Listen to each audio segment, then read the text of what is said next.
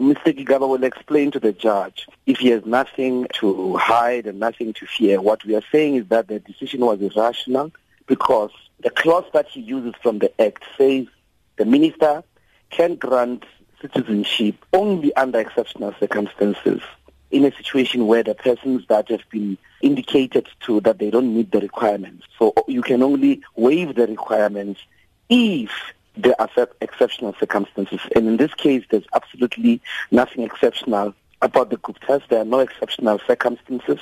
The only exceptional thing is that they share a close relationship with Gigaba. And that is why they got the citizenship in the way that they did. Thousands of South Africans who've got spouses that are non-South Africans have been applying. They, they go through the due process. You refer to due process that has not been followed here.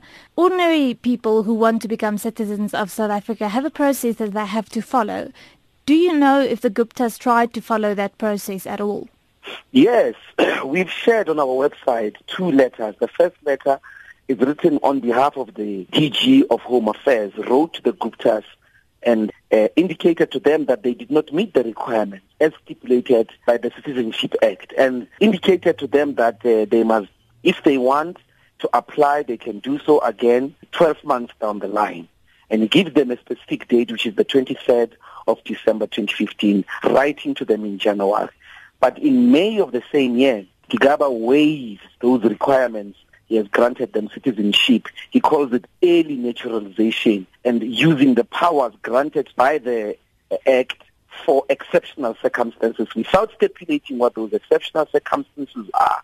And we are indicating, we're putting it to you, that there are no exceptional circumstances. You say you are going to take up the matter further. What does that mean?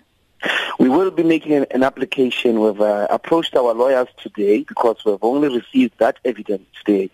And uh, there will be uh, filing a court application because we want these, the whole process to be revoked and the Guptas must be subjected to a normal process as everybody else. And on the basis that Gigaba took an irrational decision on one hand, but also that there are no exceptional circumstances with regards to the Guptas. Have you tried to engage with the minister himself on this issue, or are you going directly to court?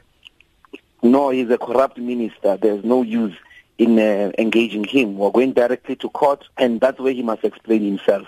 These ministers, you talk to them anywhere else, they lie. So we are going to court, and he must go and speak and answer to the judge.